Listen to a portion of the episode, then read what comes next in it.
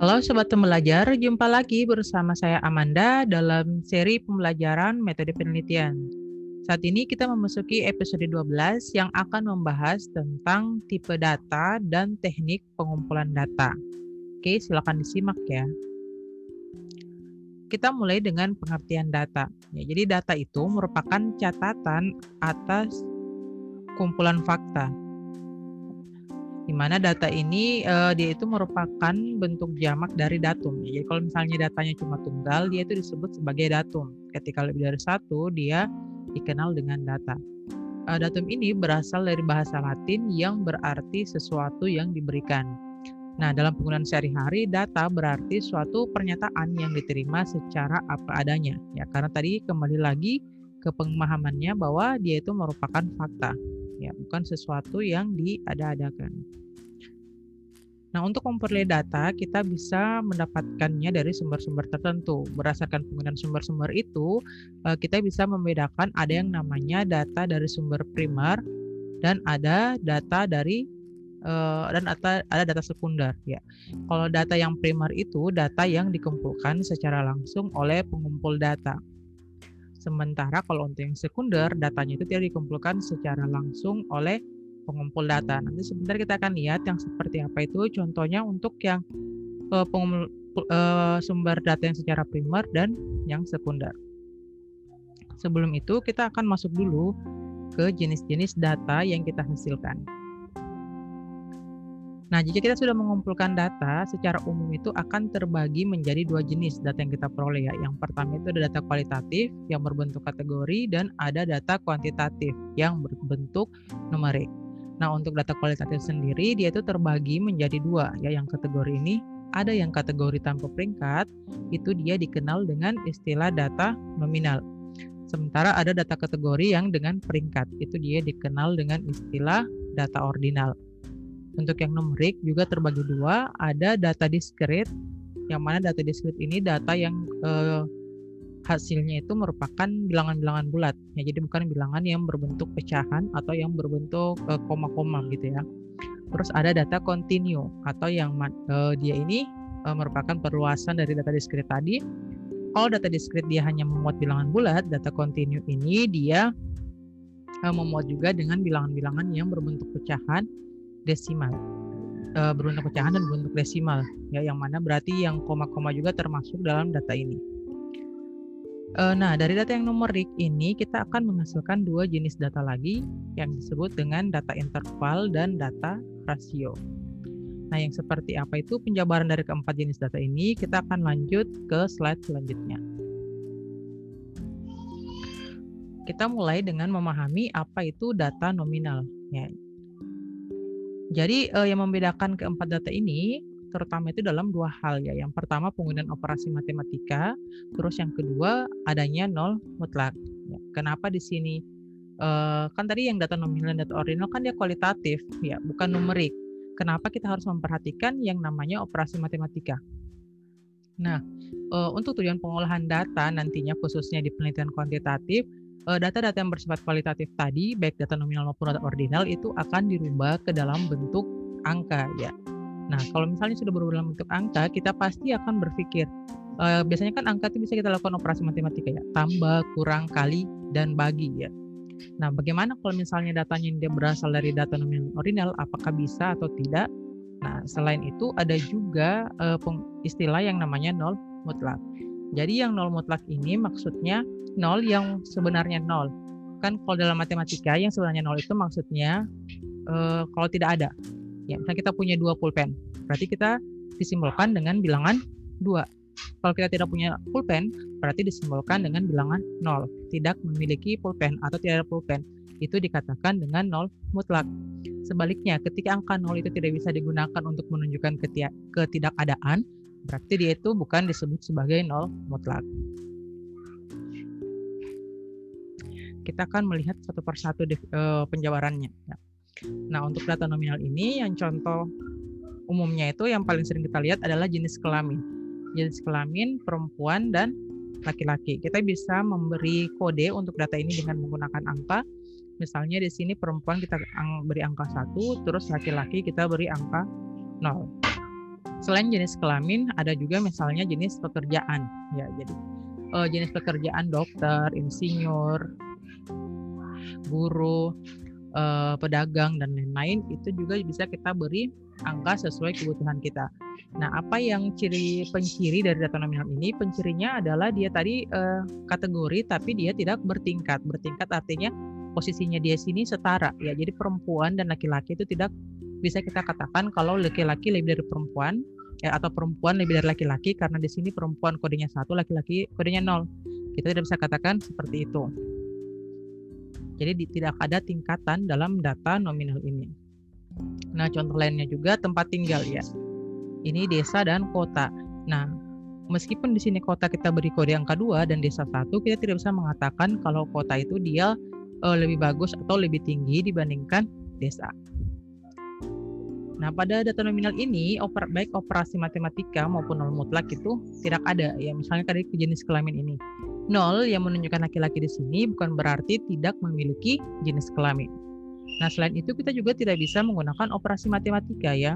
Kenapa kita tidak bisa mengatakan e, perempuan tambah laki-laki itu sama dengan satu tambah nol atau desa tambah kota sama dengan satu tambah dua.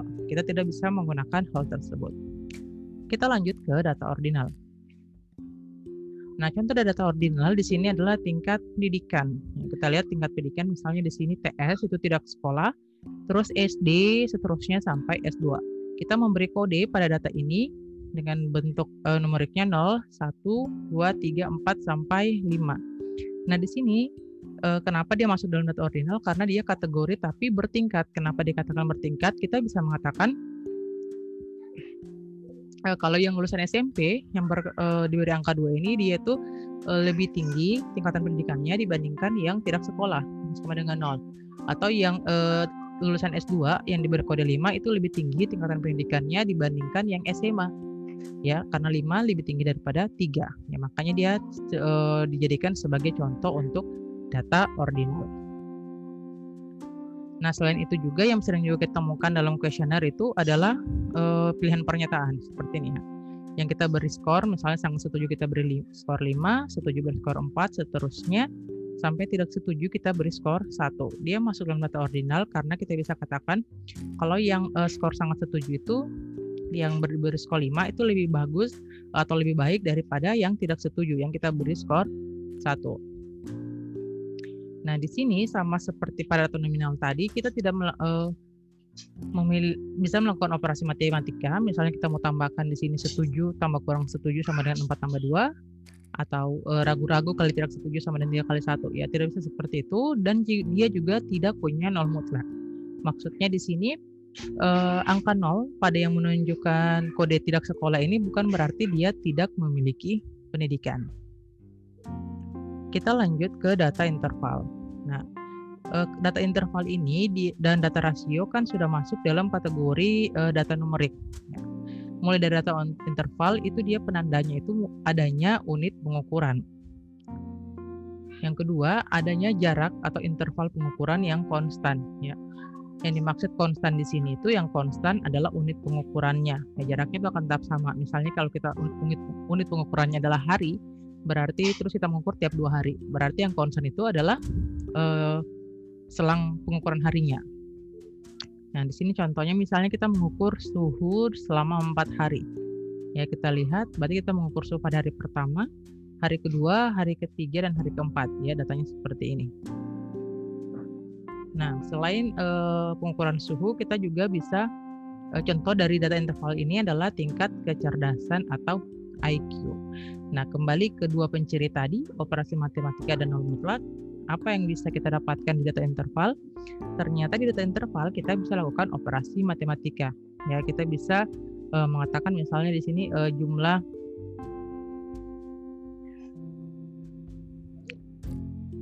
uh, misalnya uh, selisih dari suhu pada hari keempat dengan hari pertama itu adalah 3 derajat Celcius. Kita dapatkan dari mengurangkan 40 derajat Celcius dengan 37 derajat Celcius ya. Jadi kita bisa lakukan operasi matematika.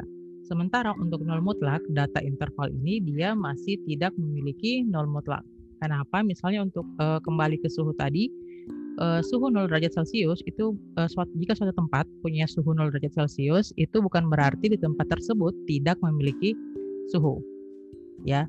Karena juga selain itu 0 derajat Celcius juga itu kalau kita rubah ke skala Fahrenheit itu akan sama dengan 32 derajat Fahrenheit yang mana itu menunjukkan dengan jelas kalau nol yang di ada pada suhu derajat Celcius ini dia bukan nol yang mutlak yang menunjukkan ketiadaan ya. Nah, selain itu kelebihan uh, dari data interval ini atau data numerik ini kita juga bisa uh, membuat atau merubah bentuknya ke dalam bentuk data ordinal atau data nominal. Yang seperti apa? Contohnya tadi di sini di tingkat kecerdasan ya. Di tingkat kecerdasan itu kalau kita setelah mengukur tingkat kecerdasan uh, beberapa responden, kita bisa mengkategorikan dia menjadi misalnya uh, responden dengan kecerdasan tinggi, kecerdasan sedang, dan kecerdasan yang kurang dengan menggunakan interval ini. Setelah itu kita bisa membuat kategori seperti pada data ordinal tadi. Yang mana di sini dia menunjukkan kalau yang e, kecerdasan tinggi itu dia tingkatannya lebih tinggi daripada yang kecerdasan kurang. Ya. Nah, yang terakhir adalah bentuk data rasio. Nah, inilah nanti uh, pembeda utama dari data rasio dengan ketiga jenis data lain adalah dia memiliki nol mutlak. Artinya dalam data-data data-data yang berbentuk rasio ini nol itu berarti tidak ada.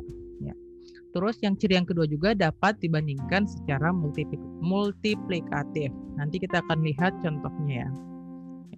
Nah contoh-contoh dari data rasio yang bisa kita peroleh adalah data berat badan, tinggi badan, nilai ujian, jumlah kecelakaan, pendapatan, jumlah kelahiran, dan lain-lain. Nah, di sini uh, operasi matematika sudah jelas sekali bisa dilakukan pada data rasio ini ya, karena dia uh, mencakup semua ciri dari data interval uh, ordinal dan nominal ini. Nah, misalnya uh, Oh ya, di sini saya ingin memberikan contoh untuk ini. Untuk menunjukkan kalau dia itu dapat dibandingkan secara multiplikatif. Ya, dan bagaimana kalau dia tidak punya nol mutlak? Misalnya yang kita punya adalah data jumlah kecelakaan selama dua tahun ya 2019 dan 2020. Diperoleh data kalau pada tahun 2019 jumlah kecelakaan yang terjadi di suatu, suatu tempat itu adalah 250. Sementara pada tahun 2020 di, di uh, tempat itu kecelakaannya itu ada 500. Nah, di sini kita bisa katakan uh, kita lihat kalau 500 ini dia dua kali lipat atau dua dikali 250 Nah, dapat dibandingkan secara multiplikatif, artinya kita bisa mengatakan kalau pada tahun 2020 jumlah kecel jumlah kecelakaan di daerah itu meningkat sebanyak dua kali lipat. Atau kita juga bisa mengatakan kalau pada tahun 2019 jumlah kecelakaannya itu setengah dari jumlah kecelakaan pada tahun 2020. Nah, sementara kalau misalnya jumlah kecelakaan nol, kita bisa mengatakan kalau di tempat tersebut tidak memiliki kecelakaan. Nah, itulah yang dimaksud dengan nol mutlak itu. Nah, untuk e, ciri yang kedua ini dibandingkan secara multiplikatif itu tidak dimiliki oleh data interval. Ya, kenapa? E, misalnya kalau kita punya dua orang, satu orang yang pertama memiliki e, kecerdasan 100, sementara orang kedua memiliki IQ 200 misalnya. Kita tidak bisa mengklaim kalau misalnya Eh, kecerdasan orang kedua itu dua kali lipat dibandingkan kecerdasan orang yang pertama ya karena itu dia bersifat relatif. Nah selain itu pada rasio ini semua operasi matematika bisa kita gunakan bisa tambah kurang kali bagi dan uh, dan lain-lainnya ya seperti akar dan lain-lain. Semua operasi matematika bisa kita terapkan pada data-data yang sudah berbentuk rasio ini. Selain itu, seperti pada data interval tadi, data rasio juga bisa kita rubah ke bentuk data ordinal maupun nominal sesuai dengan kebutuhan e, pengolahan data kita. Nah, selanjutnya di sini kita akan melihat bagaimana e, contohnya kalau kita memiliki sebuah e, penelitian yang e, subjeknya itu adalah manusia atau orangnya. Nah, dari uh, kalau kita meneliti manusia, kita bisa mengambil beberapa karakteristik atau uh, variabel yang menjadi uh, apa istilahnya, yang menjadi uh, kunci dari penelitian kita. Ya. Misalnya di sini, nah, nah setiap variabel yang kita jadikan kunci penelitian itu nanti akan menghasilkan data yang berbeda-beda ya tergantung dari uh, jenis datanya. Nah, misalnya kalau gender ya, yang variabelnya kita adalah gender. Di sini berarti data yang dihasilkan itu nanti hasil penelitiannya adalah laki-laki dan perempuan. Artinya bentuk data itu kategori yang mengakibatkan uh, jenis datanya itu adalah data nominal. Kalau pekerjaan berarti kita akan dapatkan pedagang, petani, PNS dan seterusnya. Yang mana ini juga merupakan kategori dan tidak bisa diperingkat berarti dia juga masuk nominal. Kalau tinggi badan dia ini kan ada yang bentuk desimal berarti dia masuk dalam numerik yang kontinu karena tadi kita bisa lakukan operasi dan punya nol mutlak yang mana kalau tinggi badan nol itu berarti orang tidak memiliki tinggi atau sama sekali tidak ada orangnya berarti dia masuk dalam jenis data rasio nah terus ada IQ tadi sudah saya sebutkan dia itu masuk dalam jenis data interval. Terus ada juga misalnya kalau yang kita teliti itu adalah dosen. Terus kita mengambil data tentang jabatan fungsionalnya. Kita akan lihat dia punya uh, hasil datanya itu adalah data kategori dengan peringkat. Makanya dia masuk dalam data ordinal. Nah, apa pentingnya kita memahami jenis data ini, nominal, rasio, interval, ordinal ini. Karena nanti ini nanti uh, karena nanti ini akan berhubungan dengan uh, metode statistik yang akan kita gunakan ya. Kasusnya kalau misal uh, kalau kita menggunakan metode penelitian yang kuantitatif. Nah, selanjutnya eh, berikutnya kita akan memahami bagaimana caranya untuk mengumpulkan data-data ini. Nah, teknik pengumpulan data yang paling umum atau yang uh, sudah ada sejak zaman dahulu itu itu ada tiga yang utama ya. Yaitu yang pertama adalah bentuk kuesioner atau angket, terus yang kedua adalah interview atau wawancara, dan yang ketiga adalah observasi. Nah, seiring perkembangan zaman, semakin banyak metode pengumpulan data yang bisa kita lakukan. Ya, misalnya di sini ada uh, fokus group, terus ada uh, oral historis atau cerita yang disampaikan mulut ke mulut, terus ada kom uh, penelitian kombinasi, adalah tracking online. Nah, ini paling terbaru semenjak perkembangannya uh, website mulai ber sangat berkembang, kita juga bisa memperoleh data lewat tracking online. Selain itu kita juga bisa menggunakan analiti uh, marketing analisis online. Terus yang uh, baru ada juga pada abad ke-21 ini adalah dengan menggunakan monitor sosial media atau social media monitoring. Ya, jadi sekarang semakin banyak teknik pengumpulan data yang bisa kita gunakan dalam penelitian kita. Nah, dari teknik-teknik pengumpulan data ini, dia ada yang menghasilkan data primer dan ada juga yang menghasilkan data sekunder. Nah, biasanya dalam teknik-teknik penelitian kuantitatif itu yang menghasilkan data primer itu adalah ketiga ini ya. Yang uh, kuesioner, interview dan observasi. Ya. Nah, selain itu uh, berikutnya nanti tergantung dari uh, perilaku kita pada saat penelitian nanti.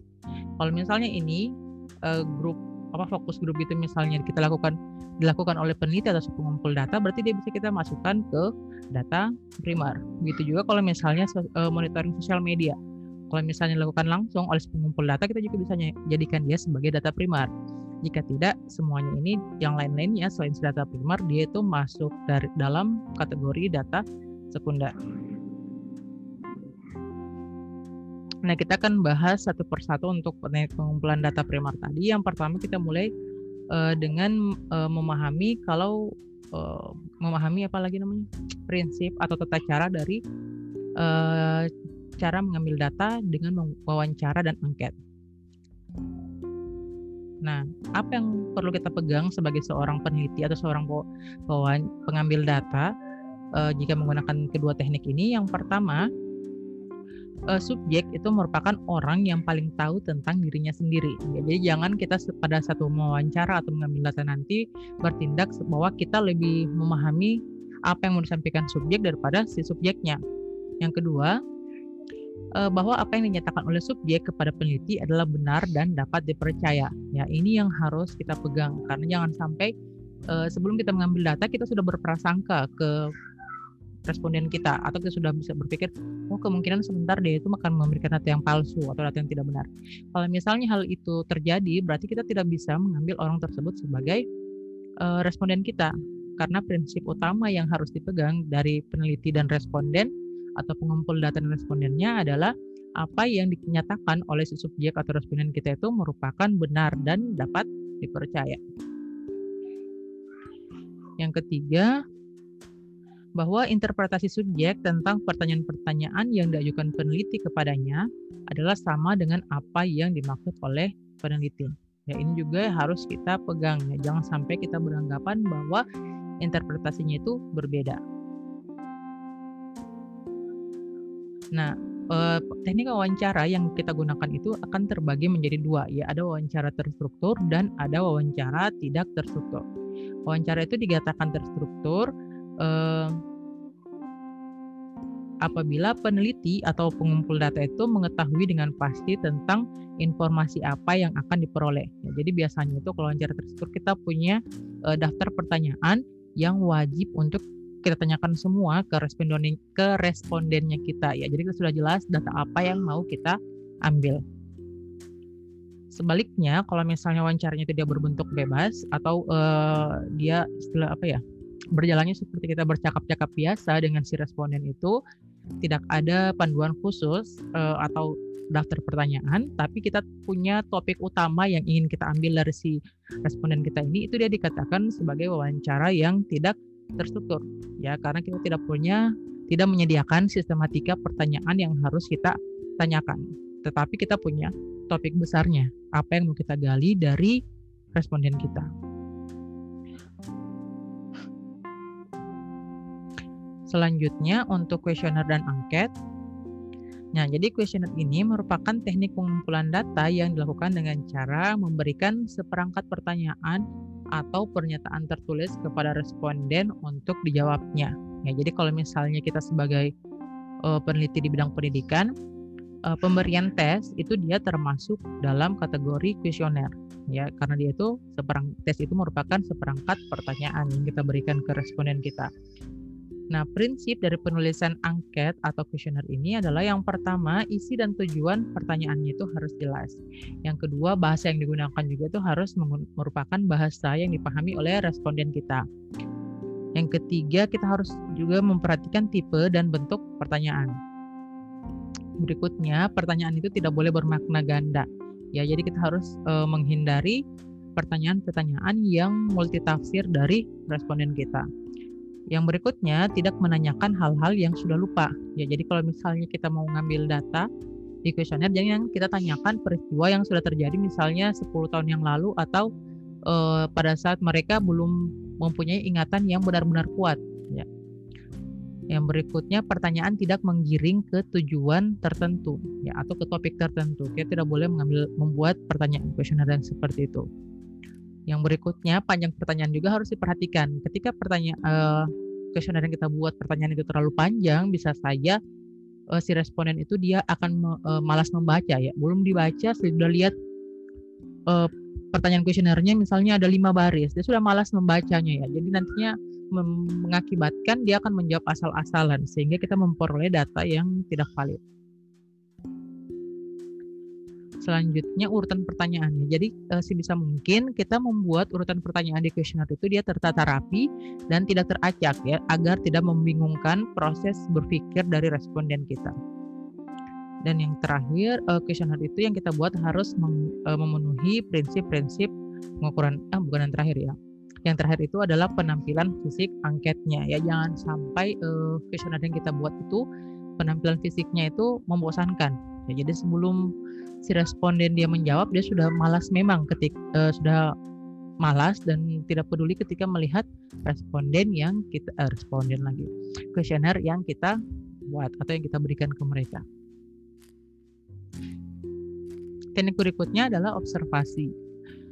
Nah, observasi di sini uh, dia juga terbagi dua yang yang itu adalah yang pertama adalah observasi berperan serta dan yang berikutnya itu adalah observasi yang tidak turut berperan serta. Jadi dalam observasi yang pertama ini peneliti terlibat dengan kegiatan sehari-hari orang yang sedang diamati.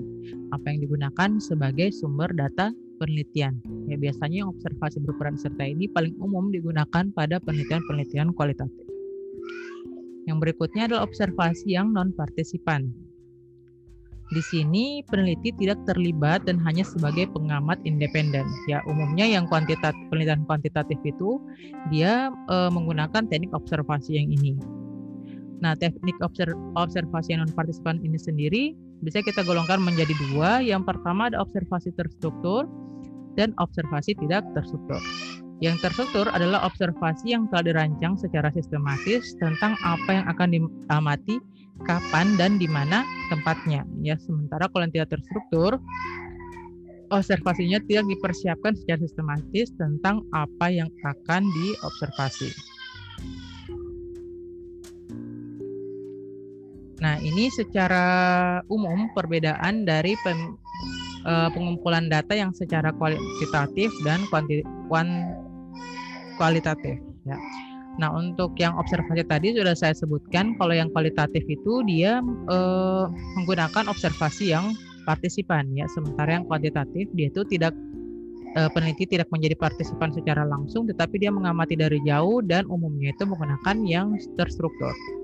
Terus ketika melakukan wawancara, kualitatif itu dia menggunakan wawancara mendalam atau in-depth interview dan e, menggunakan biasanya juga mengadakan fokus group. Sementara kuantitatif, wawancaranya itu biasanya lebih sering dilakukan dalam bentuk survei. Untuk e, pengumpulan data kualitatif,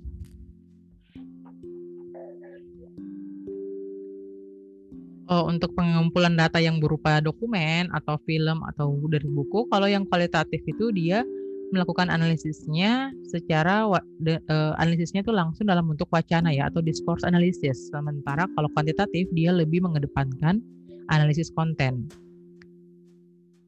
Uh, dalam menggunakan informasi-informasi yang sudah ada, uh, data kualitatif pengambilan data kualitatif itu lebih menggunakan teknik uh, komparatif atau membandingkan dan penelitian historis. Sementara kalau yang kuantitatif dia menggunakan uh, analisis terhadap data yang sudah ada atau data statistik yang telah ada sebelumnya. Uh, sementara untuk model-model uh, lain itu kalau yang kuantitatif juga biasanya atau terkadang menggunakan data lewat eksperimen langsung atau lewat kuasi eksperimen. Nah, pembahasan tentang perbedaan teknik pengumpulan data secara kualitatif dan kuantitatif tadi mengakhiri eh, pembahasan saya tentang data dan teknik pengumpulan data. Semoga mulai dipahami. Jika ada yang ingin yang ditanyakan, silakan berikan pertanyaan di kolom komentar. Terima kasih atas perhatiannya. Assalamualaikum warahmatullahi wabarakatuh.